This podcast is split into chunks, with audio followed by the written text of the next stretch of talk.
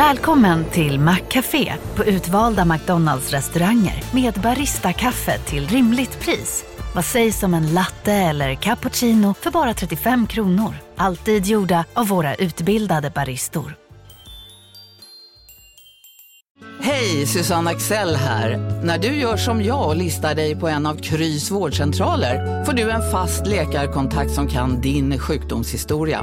Du får träffa erfarna specialister, tillgång till lättakuten och så kan du chatta med vårdpersonalen. Så gör ditt viktigaste val idag, lista dig hos Kry.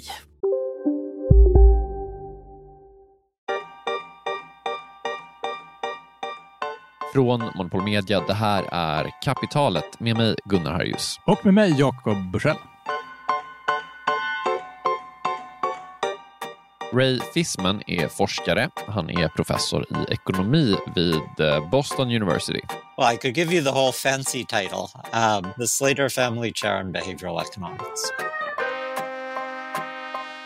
Och eh, när man har nått den nivån som Ray Fisman har, alltså professor på ett av världens mest prestigefyllda universitet, då får man göra lite vad man vill, typ. Men Ray Fisman har då valt att fokusera på korruption. I have been an interest in corruption globally my entire professional life. In the earlier days, I did work on corruption in developing countries, and I've shifted to thinking and working much more on hidden influence in US politics, which some people would describe as legalized corruption. Vi kommer återkomma lite till de här olika definitionerna. Eh, Men jag kan säga så här, jag är intresserad av eh, korruption och alltså jag tror att typ de flesta människor är lite intresserade av korruption. Ja, alltså på vilket sätt menar du? Alltså det är lite spännande för att det är typ, eh, det är ju brottsligt. då, är det, då är det spännande tycker jag. Det är en väldigt mänsklig grej och eh, så central del av väldigt många samhällen. Ja men precis, samtidigt som det ju liksom säger någonting om hur typ, vi bygger samhällen och typ hur väl, det är liksom någon slags mått på hur bra vi är på att bygga samhällen. Verkligen. Och eh, det är delvis av de här anledningarna som Ray Fisman är intresserad av korruption.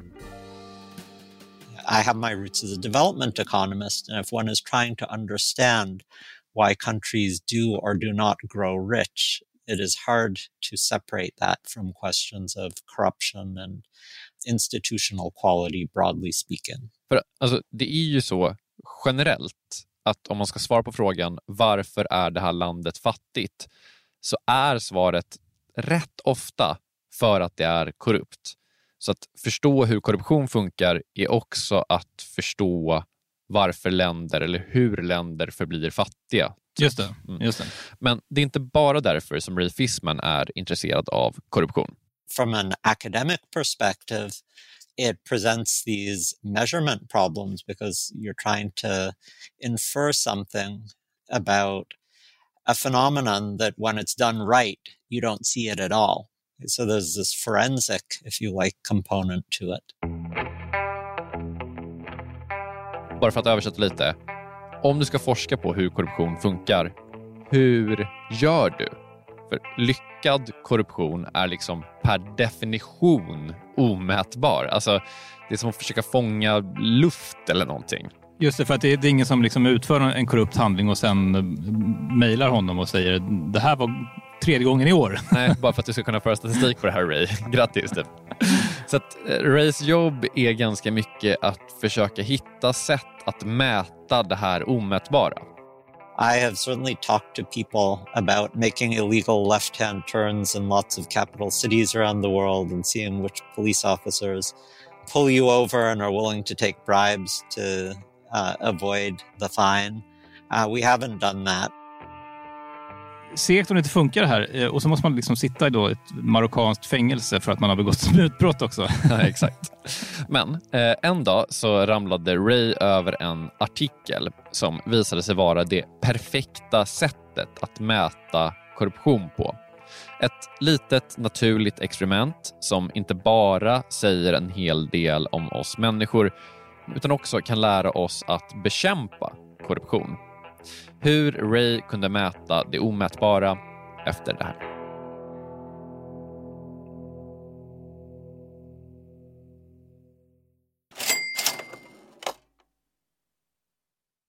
Kapitalet sponsras av SPP och Storebrand Asset Management. Eh, Storebrand och SPP hör ju ihop sedan många år och utan att gå in på några detaljer här och nu så kan vi i alla fall säga att eh, Storebrand förvaltar över 1200 miljarder kronor bland annat åt just SPP. Och du har ju träffat Storebrand, Jakob, och pratat om eh, Kina Ja, eh, vi, vi pratar i alla fall om hur Kina blivit en sån otroligt viktig del i omställningen av energisystemet. Eh, över 70 procent av värdekedjorna inom vind och solkraft kontrolleras av Kina, vilket mm. är otroligt när man tänker på det. Ja. Och Det handlar om att Kina väldigt tidigt insåg att energi är makt och att man genom sol och vindkraft kan göra sig typ fri från att importera olja och gas och sånt. Then if you think that tomorrow or today's you know power base is going to in a large part be about renewables, then obviously having a stranglehold on those renewables and all the technologies that go into it is going to be part and parcel of that power play. Eh, det här är då Philip Ripman som ansvarar för Storbrand Global Solutions, eh, en fond som investerar i lösningsbolag över hela världen. Mm.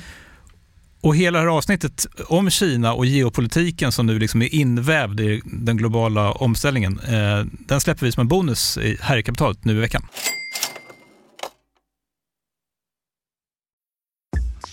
Okej, så vi har Ray Fisman, professor i ekonomi vid Boston University, som studerar korruption. Och att studera det är superviktigt, för korruption är lika med fattigdom, typ. Just det, och ett problem med korruption är då att det är väldigt svårt att mäta, för när korruption funkar så, så märker man inte. Men, men Ray då hittade ett sätt att faktiskt mäta det här. Yes, men innan vi kommer till det eh, så ska vi bara reda ut lite vad korruption är. Alltså, jag tror att du och jag har liksom en intuitiv förståelse för ungefär vad korruption är.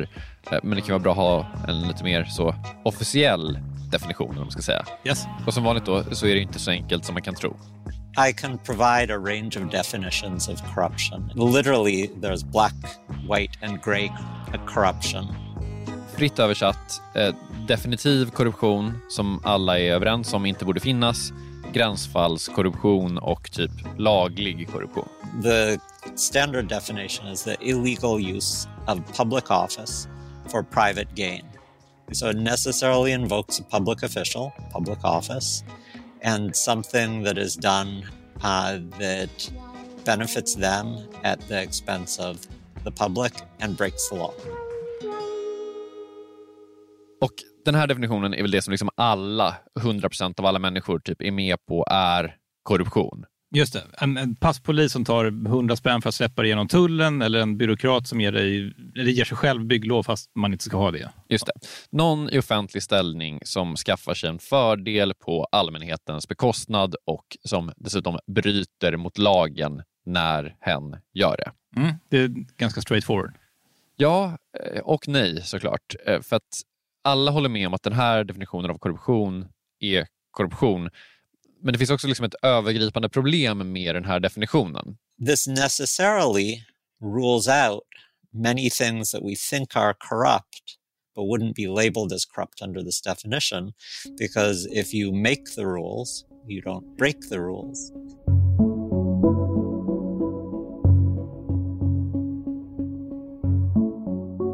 Om det är så att någonting måste vara olagligt för att vara korrupt, då är det jättemycket saker som du och jag skulle kalla korrupt som inte är korrupt. Alltså typ alla presidenter i genomkorrupta länder har liksom stiftat lagar som säger att presidenten inte kan begå något brott eller inte åtalas för brott eller sånt där. Och då liksom enligt den definitionen då så är de inte korrupta även om de typ så bokstavligen stjäl en bokstavlig guldgruva eller tar liksom mutor för att tillåta något företag. Alltså, du vet, så här, superkorrupta grejer är inte korrupta om det måste vara olagligt för att det är korrupt. Fattar. Äh, det är komplicerat. Och men, men är du en korruptionsforskare, då kanske du behöver en definition då som inkluderar också den här typen av inom citationstecken korruption. Just det, det finns det massa olika definitioner. So there is the public harm view, which is the misuse of public office for private gain that causes social harm. You can also think of a public opinion based view, but then you run into the question of whose opinion matters because we live in a very, or I live in a very polarized country. And if you ask Democrats whether Republicans are corrupt, they will say yes. And if you ask Republicans if Democrats are corrupt, they say yes. So mostly we focus on the legal demarcation. Sen finns liksom en, en skala även inom de här olika definitionerna, eller vad man ska säga. Typ Enron och det liksom ekonomiska bedrägeriet är enligt vissa definitioner korruption. Alltså det är inte public office, det är inte liksom en offentlig ställning på det sättet, men det, kan, det är typ en trusted office. Det är någon som blivit vald till att ha en, en roll. Det, det, är inte skitlätt att naila ner exakt vad som är korruption, det är det jag försöker säga här. Ja, ja. Nej, men vi, vi har typ en uppfattning om vad vi tycker korruption är i alla fall. Ehm, använda en offentlig position för att skaffa sig privata fördelar, ofta då på ett olagligt sätt. Eller eh, på ett sätt de flesta tycker borde vara olagligt i alla fall. Ja, som du hör så är det lite av en soppa det här eh, och ett jävla problem att eh, reda ut och att mäta. Så att det man gör liksom generellt, det är att man försöker göra uppskattningar. Man typ frågar experter i ett land, så här, hur korrupt är ditt land? Eller man frågar folk i, i länder, så här, hur korrupt upplever du att ditt land är? Hur liksom, mycket problem har du med korruption och sånt där? Hur mycket lider du av korruption? Och så, alltså, ja, ah. det, det är det man gör. typ. Ge mig hundra spänn så ska jag berätta. Exakt. Men, men, du får liksom inga säkra svar på det sättet, för det blir ju bara uppskattningar. Ja, och eh, det är ju bra då om man kan få en bättre uppfattning om hur korrupt någonting faktiskt är. För eh, som Ray sa i början, korruption och ekonomisk utveckling hänger verkligen ihop. Även om han var väldigt noga med att säga att det finns också undantag med jätte, jättekorrupta länder som är ekonomiskt utvecklade och har bra utveckling. Mm. Eh, tydligen Suharto som var diktator i Indonesien i massa år. Det är så här ett, ett exempel som eh, jäckar korruptionsforskare för att det är så jätte, jättekorrupt men det gick bra ekonomiskt. Alltså, folk hade det piss, verkligen. Det vill jag vara väldigt tydlig med. Men typ enligt OECD-måttstockar och sånt där så var det bra. Typ. Kina är ett, ett annat sånt där exempel. Hur som helst, det är svårt att mäta, men en dag så ramlar Ray över en artikel på BBCs hemsida. It was talking about the unpaid parking tickets, I believe of uh, diplomats in London, uh, and made uh, casually in passing the observation that I think Nigeria was the worst offender. They had the most unpaid parking tickets. Så här, I London bor en massa diplomater och ibland får de parkeringsböter, eh, precis som du. Ja, jag, jag har ju liksom ett ständigt pågående krig med, med, mot Q-Park och ja, Stockholms ja. stad. Och eh, det har då också eh, diplomater. Och de som inte har betalat de här böterna, eh, det var då mest diplomaterna från Nigeria. And the, the city of London had relatively little recourse because you know, these are diplomats and for time immemorial, diplomats are, have been immune from prosecution. So London was trying to figure out how to collect their debts from these Nigerian diplomats. Så här plötsligt ett perfekt läge att mäta någon slags korruption. Inte olaglig korruption, för det är alltså lagligt för diplomater att inte betala sina p-böter, diplomatisk immunitet och så vidare. Men de utnyttjar ändå sin officiella ställning för att skaffa sig personliga fördelar, alltså parkera var de vill, på allmänhetens bekostnad. Det vill säga, det står nu bilar överallt i London. Alltså, enligt eh, ett antal definitioner, korruption.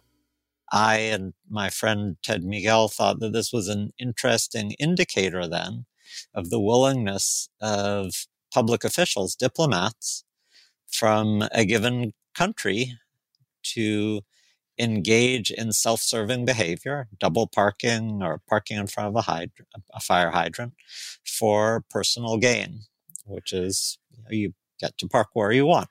Så det Ray och hans kollegor tänkte här, det var alltså här kan vara ett bra läge att kolla hur bra de här uppskattningarna av korruption stämmer överens med den här liksom lite mätbara korruptionen. Kanske stämmer de överens.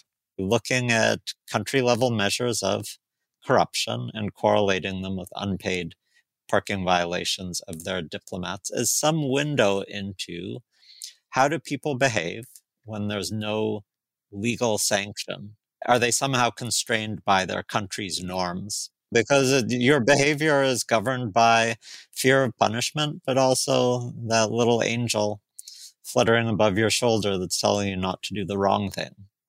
Ray kollade på det här i New York City där det bor massa, massa diplomater för att FN ligger där. Och så kollar man då hur många diplomater får p-böter och hur många struntar sen i att betala sina p-böter. So Sweden, for example, uh, their diplomats had zero unpaid violations. If they get tickets, they pay them. Norway had zero tickets and you can go to the other end of the spectrum. You have countries like Pakistan, I think was in the top 10. Egypt, Chad, Sudan, Bulgaria, Mozambique, Albania. Pakistan, Egypten, Chad, Sudan, eh, Bulgarien, Mosambik. Det är alltså de som är i botten av de här listan. De har massa obetalda p-böter. Det är ändå ganska väntade namn får man säga. Ja. Utan att liksom låta... Det låter inte för fördomsfullt att säga. Nej, det, var- det är ju sant också. Ja. Yeah, of course. This is not a huge surprise, but we're not necessarily in the business of surprising people. Like, if you were handed these two lists of countries, you would probably not need me to tell you that one group is the bundle of corrupt countries and the other is the one where generally corruption is less of an issue. Vad Ray tänker på det här är snarare som liksom något slags pedagogiskt exempel och eh, framför allt en insikt i hur folk beter sig. you know, these what we'll call informal institutions are important in what shapes individual behavior. Det här pinpointar ju någonstans liksom hur långt en icke-korrupt kultur sträcker sig. Alltså jag menar, svenskarna och norrmännen, de behövde ju inte betala heller egentligen. Så att det Ray tycker att det här säger, det är liksom vikten av att etablera en icke-korrupt kultur och hur otroligt stark den icke-korrupta kulturen faktiskt är. Men också då hur långt en korrupt kultur i en institution kan sträcka sig. Det här är liksom diplomater bortom det fysiska landet. Där, alltså, New York är ju inte så korrupt. Ändå så tar de liksom med sig korruption för de kommer från en korrupt institution. Så det är liksom experimentet. Korruption är jättesvårt att mäta, man gör mest uppskattningar. Plötsligt dyker det upp ett läge där man kan bekräfta eller dementera de här uppskattningarna. Och det visar sig att det är som man tror. Svenska diplomater betalar sina parkeringsböter. är så tråkiga. Kan, Ja. kan de inte bara strunta i böterna? Man tycker det också. Alltså, sen var det här 20 år sedan, ska sägas. Eh, men kan, vi kan väl ha ett medskick som är så här, är du svensk diplomat, kan ju skippa att betala var tredje eller någonting. Du, du, du hamnar inte på kapitalets shitlist i alla fall.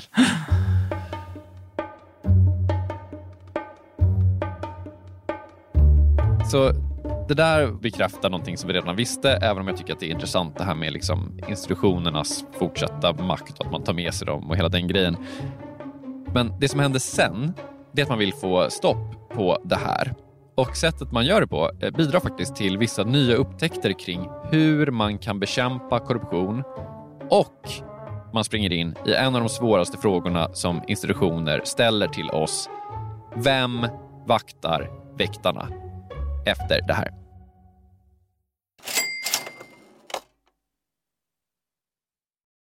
Jakob, vi har ett samarbete med Pareto Business School och det här är jag rejält nyfiken på. För Ja. att eh, eh, så här, vi jobbar ju sida vid sida, bokstavligen, sitter bredvid varandra och då och då så håller du upp ett finger och säger nu måste du vara tyst i en timme för nu ska jag eh, göra något Pareto. Exakt. Ja. Jag, jag gillar ju att lära mig nya saker, det, gör ju många journalister. Eh, Så den här våren går jag då en åtta veckor lång så kallad mini-MBA. Eh, Alltså jag hade gärna gått till riktig MBA också, men, men eh, ja, jag har inte tiden det kräver och, och framförallt har ingen arbetsgivare som vill betala 800 000 för att låta mig göra det. Nej, eller kanske du har, du är ju arbetsgivare. ja, snål, snål arbetsgivare. Mm. Eh, det- Det är då Jens Bäckbom och Mattias Eklöf, två svenska entreprenörer som har skapat den här utbildningen just eftersom det finns ett gigantiskt hål mellan typ YouTube-filmer och en, en riktig MBA. Ja, och det här är då Pareto. Exakt, Ja. Pareto MBA. Eh, Paretos utbildning kostar cirka 25 000 kronor och, och under åtta veckor så lär man sig jättepraktiska och tillämpbara modeller för hur man startar, skalar upp, driver och säljer bolag. Eh, Jens och Mattias eh, de håller själva i många av föreläsningarna. De är garvade entreprenörer båda två. Mm. Och har man så här olika gästföreläsare som kom in. Mm. Typ någon kille som, som eh, var expansionschef på Spotify, någon som körde marknadsföring på Revolut, eh, en kille som driver Sveriges största campingkedja, Mm. som har varit med i kapitalet faktiskt, Okej. Johan Sör. Ja. Ja, just det. Också varit en helt otrolig svensk eh, entreprenör som byggt massor med grejer i Vietnam. Alltså makalösa berättelser. Ja, wow. Eh, Så den här kursen består av en blandning förinspelade moment och seminarier, men man går också i då så här kohorter tillsammans med andra deltagare från Sverige och utlandet. Jättenyttigt, eh, tidseffektivt och funkar jättebra för, för den som vill driva egen verksamhet som, som typ vi gör här. eller om man typ driver projekt och affärer i större bolag. Wow. Om man är taggad på att eh, bli en del av den här, liksom, vad ska man säga, Jakob skolan om man vill bli som dig, lära sig lika mycket som, som du har lärt dig, vad, ja. vad gör man då? Eh, nästa kursstart är 5 april, så vill man ta ett kliv framåt i sin utveckling eller karriären eller så, gå då till arbetsgivaren och kolla om du inte kan gå den här utbildningen. Priset ligger alltså på 2500 euro, men ni får 10% rabatt om ni anger Monopol Media som referens när ni eh, gör er anmälan. Mm. Eh, man kan också gå in på paretoschool.com för att eh, läsa mer och ja, se lite smakprover från själva utbildningen. Då. Mm. Så att eh, man sparar jättemycket pengar i för att gå Handels MBA och man sparar ytterligare pengar om man tar del av eh, Monopol Media-erbjudandet. Ja, exakt. Ja, en no-brainer som vanligt. Mm. Plus att man blir ju eh, alumnkollega med mig då. Verkligen. Så stort, stort tack till Pareto Business School och gå in på paretoschool.com.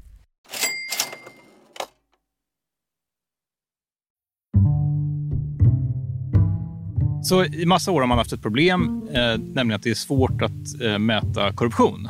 Eh, det görs vanligtvis bara genom typ, uppskattningar. Man frågar folk hur korrupt de tycker att sitt land är. Mm. Men eh, så, så, kommer då den här killen Ray Fisman, eh, ekonomiprofessor vid Boston University och hittar då ett litet naturligt experiment. Ja, eh, han trackade då eh, vilka diplomater som betalade sina parkeringsböter i New York. Sen samkörde han det med uppskattningarna och eh, det stämde.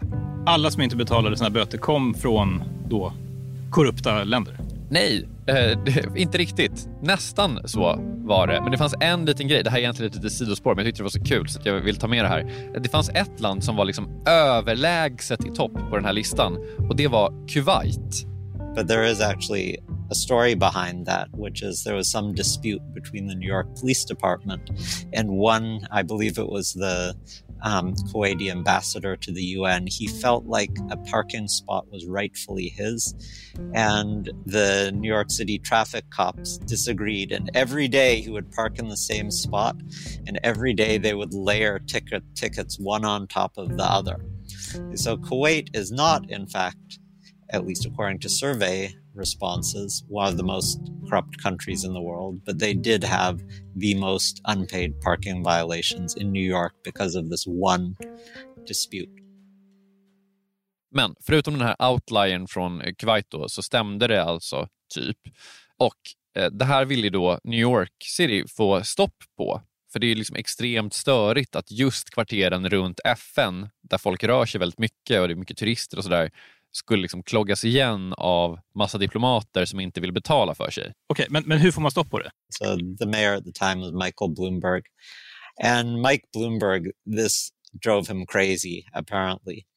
And at some point, he got permission from the State Department to tow diplomatic vehicles with diplomatic plates that had more than three unpaid violations. And you know what? The whole problem disappeared like the next day.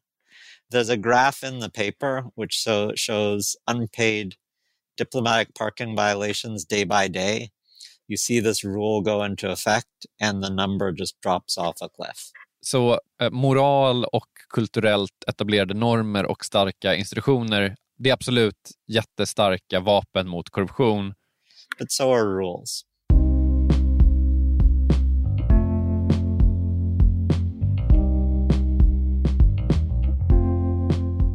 Men om man då ska lära sig någonting av det här experimentet. Allt det här är ju i New York och, New York blir någon slags yttermakt här som kan se till att de här reglerna faktiskt efterlevs.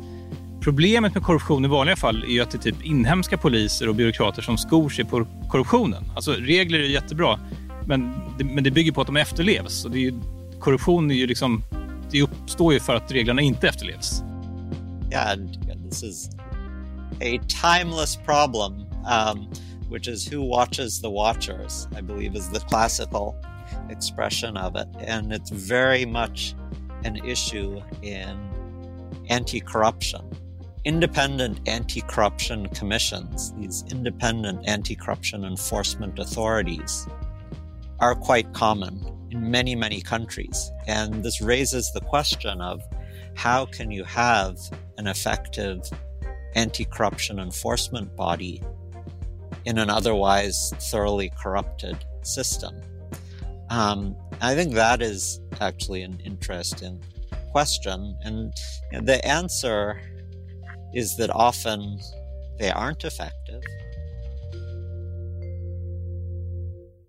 det är lite överdrivet här, men det känns som att om man lyssnar på P1 så är det liksom varannan vecka så är det typ någon guvernör eller någon president i Guatemala eller någonting, eller Mosambik som så här ställs till svars för korruption. Men det är ju alltid så att den ställs till svars av sin efterträdare. Att det är så här, någon har förlorat ett val och då direkt liksom hamnar den i någon slags liksom så, specialdomstol, antikorruption. Alltså det är alltid sånt där. Och man vet ju också, eller känslan är ju oftast att efterträdaren förr eller senare också kommer liksom stå i den här domstolen anklagad för korruption av sin efterträdare, men bara efter den har fallit. Liksom. So, first of all, one way of thinking about solving this problem is you bring someone in from the outside. And this is, I think many people would say, the story of Hong Kong is that they were, Hong Kong in the 70s and 80s had a corruption problem, um, but because they could kind of rely on the rule of law of the crown, they were able to overcome this pro- who watches the watchers sort of problem. But this reeks of neo-colonialism. So when, say, Guatemala brings in prosecutors from the US, this is a very touchy issue. And that's not a hypothetical. That's something that did actually happen. The second thing, which you allude to, is how much of this is anti-corruption and how much of this is finding a way to dispense with your political adversaries. Så att, eh, ledsen att sluta på en, en deppig note, men det finns inget bra sätt som är så här, bara så här, one, så här, fix allt-lösning, utan det man behöver är att typ, under jättelång tid bygga upp jättestarka institutioner så att man som norska och svenska diplomater bara typ har en känsla av att så här, jo, jag ska betala mina parkeringsböter snarare än att det är så här, jag ska betala mina parkeringsböter för annars kommer en yttre makt frakta bort min bil. Verkligen, men, men fascinerande att, att uh, han upptäckte det här lite oväntade sättet att mäta uh, korruptionen på, just genom parkeringsböter. Jag tänker att man skulle kunna ha liksom någon slags app som bara så, eh, liksom, har en live score från alla länder. Nu i New York har ju den här lagen så nu är det ingen som gör det där, men från, jag menar, det finns ju säkert i Stockholm folk som felparkerar och, och sådär. Bara liksom en, en, ett live korruptionsindex över alla diplomaters parkeringsböter. Typ. Jag, jag undrar hur Sverige skulle stå sig här. Det snackas ju en del om att vi som land är mer korrupta nu än tidigare. Och liksom någon slags laglig korruption. Typiskt sett det här att folk eh, avgår från regeringen på en onsdag och blir vd för typ något, någon branschorganisation ja, på, som, på torsdagen. Som man var ansvarig för på onsdagen. Ja, ja exakt. Ja, exakt. Ja, det här skulle ju faktiskt kunna sluta med, för att jag tog upp det här med Ray Fisman eh, och han bara suckade. When you study corruption, you meet someone from anywhere, from Denmark, from Iceland, from Peru, from Russia. and they will tell you, oh, you want to study corruption? You want to know how corruption works? Come to, and then they'll name where they're from. Uh, so uh, everywhere has some version of this in some form, greater or lesser extent. Så att slutsatsen är väl att alla är lite korrupta eller alla upplever att det finns någon form av korruption i deras land i alla fall. Eh, även om det, den här liksom uppskattningsfaktorn inte är typ så lätt att kvantifiera. Då. Men du, eh, vi, vi styrs ju av liksom strikt eh, redaktionella principer här i vårt ämnesurval. Men är det så att någon vill ta upp ett speciellt ämne, kanske en, en hitpiece ja, om någonting? Absolut. Så kan man mejla mig på ja. gunnar.monopolmedia.se. Jag är inte ens så dyr. Vi har ett swishnummer också. Kapitalet till slut för den här veckan. Eh, vi som gjort det här avsnittet heter Gunnar Harjus och Jakob Bursell. Kristoffer Krook har mixat det och eh, på Twitter heter vi eh, Kapitalet. Eh, vi är tillbaka snart igen. Hej då! Hej!